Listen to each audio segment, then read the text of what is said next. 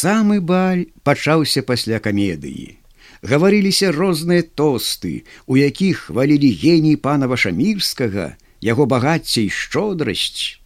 Італьянская і французская музыка лілася хвалямі под высокімі сафітамі палацаў. Недалёка ад шляхціца завішшы, у канцы стола сядзеў малады шляхціц войскі. Яго называлі звычайна пан войскі, купец польскі. Ён гандляваў коньмі і дробнымі фальваркамі. Апрача таго, быў плеткаром усёй ваколіцы, меў вялікі спрыт пасварыць паноў між сабою, а сам заўсёды выходзіў сухім.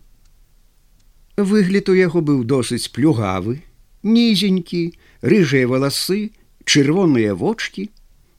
Войскі часта бажыўся, моршчыў лоб, рабіў шчырыя і жаласлівыя вочы, біў сабе кулачкамі ў грудзі і ледзь не плакаў. Часам, калі яму трэба было разжалобіць якога кольвічы пакупца. Дык нават выціскаў слёзы з вачэй, сморкаўся і хныкаў, Ён падлізваўся да кожнага пана, ад якога спадзяваўся мець якую колечы выгоду. Славіўся ён таксама па фальварках і маёнтках, як вершаплёт, хаця ў вочы звалі яго таленавітым паэтам. Верш у гонар пана вашамірскага вольскі рыхтаваў ужо даўно, пацеў над рыфмамі некалькі начэй. Ён спадзяваўся гандляваць з панам вашамірскім, прадаваць яму коней, Цяпер надышла яго пара прачытаць гэты верш. Ён падняўся, наморшчыў лоб і пачаў сваім рэзка металёвым непрыемным голасам. Ой, пан вашамірскі, яснавяльможны пане, Ой, хвала табе ад рання да рання. Бадай кожны радок верша пачынаўся ў яго ад слова ой. Ён войкнуў разоў сорок, хваліў пана за вялікі розум, а ўсіх іншых абзываў дурнямі. Доктор багасловія і філасофіі пільна прыслухоўваўся да кожнага слова верша. Ой, яму вельмі спадабалася. У гэтым слове чуецца моцны стогн душы шчырага католіка, пакута сэрца, закаханага ў пана Езуса. Радасць гэта распуста упадак пачуцця тлумачыў далей доктор багасловіі і філасофіі прыціскаючы кожнае слово нібы абцугамі гаворачы да ксяндза марцевіча якога толькі што паспеў павіншаваць з поспехам яго п'есы. Шляхціц завішша меў свой погляд і на творчасць войскага якога ён даўно ведаў меў свой погляд і на развагі ксяндза. Ён казаў на вуха свайму суседу: Дзіўны багаслоў, сам балюе, а радасць крытыкуе. Вось фальшывы сутаннік, ай-яй-яй, А вольскі ойкае, бо рыфмы ў дзясяты пот яго кідаюць. Яму нялёгка, вось і войкае, пані дабрадзееньку.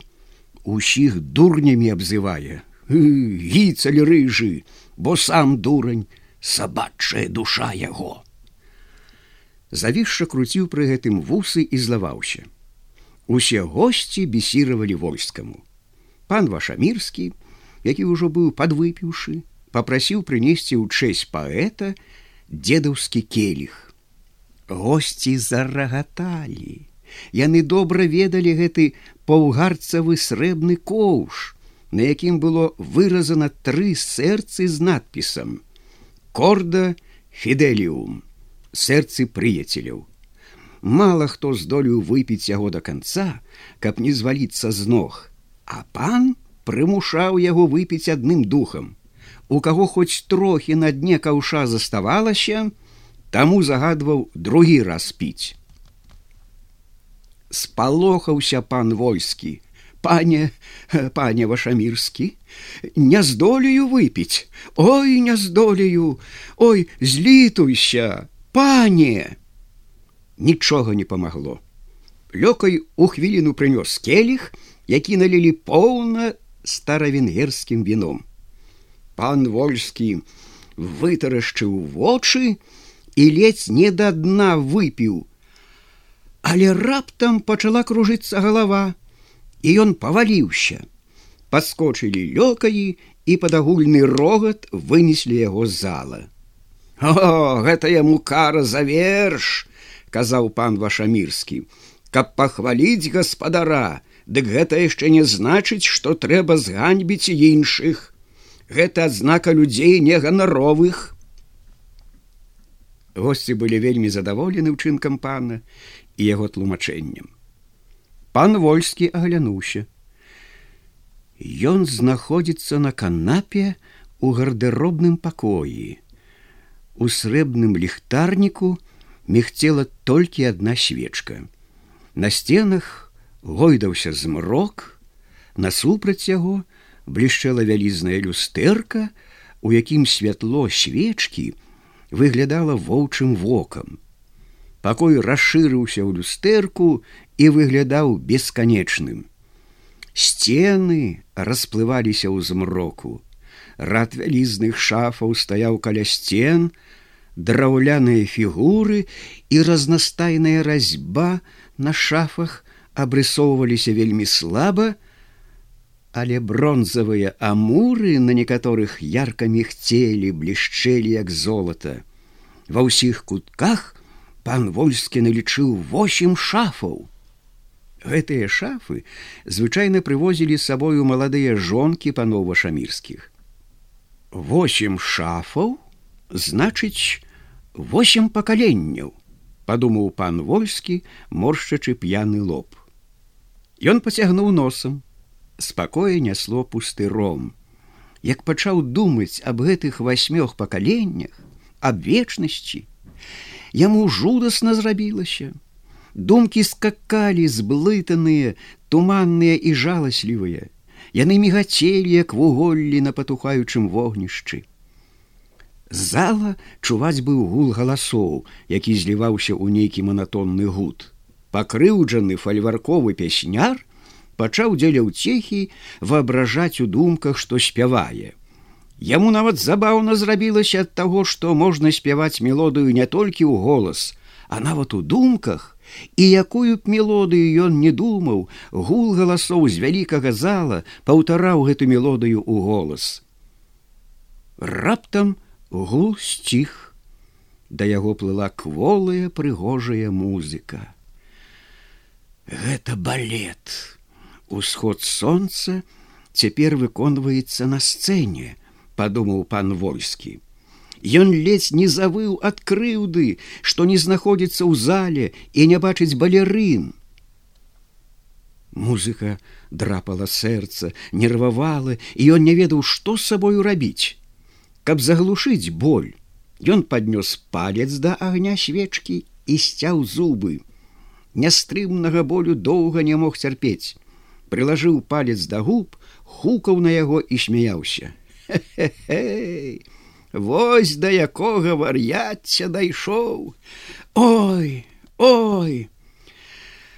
А музыка вабіла, чаравала, кідала яго думкі, нібы ветер пыл дарожны ў розныя бакі. Здавалася, што нічога лепшага за гэту музыку на свеце няма. Нічога на свеце, нічога, казаў ён у голас з далёкага змрочнага кутка вялізнага гардэробнага пакоя кінуўся да яго водгалас. Чога на свеце! Пан вольскі спалохаўся адчуў сябе адзінокім як у глухім лесе. Ён ведаў што чога на свеце?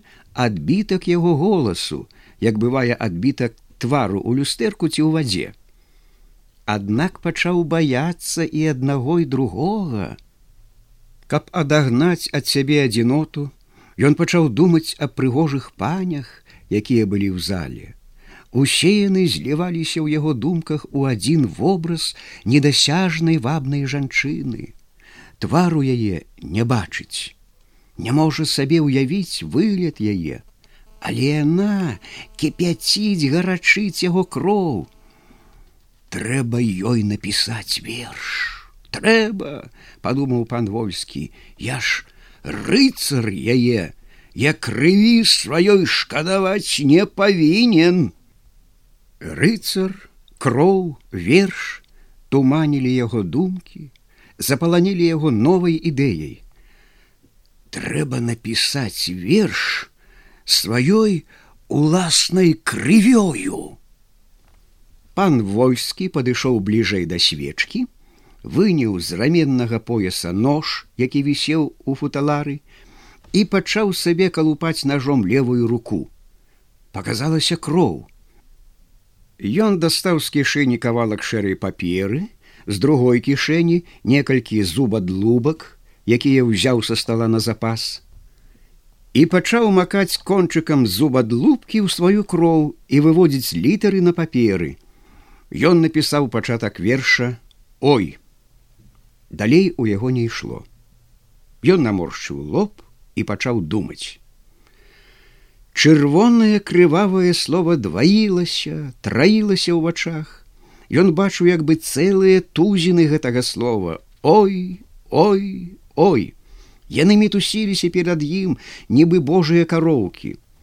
Войскі плюнуў, вылаяў сам сябе за такое вар'ятча, абвязаў параненую руку хустачкай і прылёг на канапе.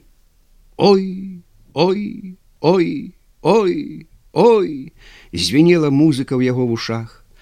Галава зрабілася цяжкаю і ён хутка заснуў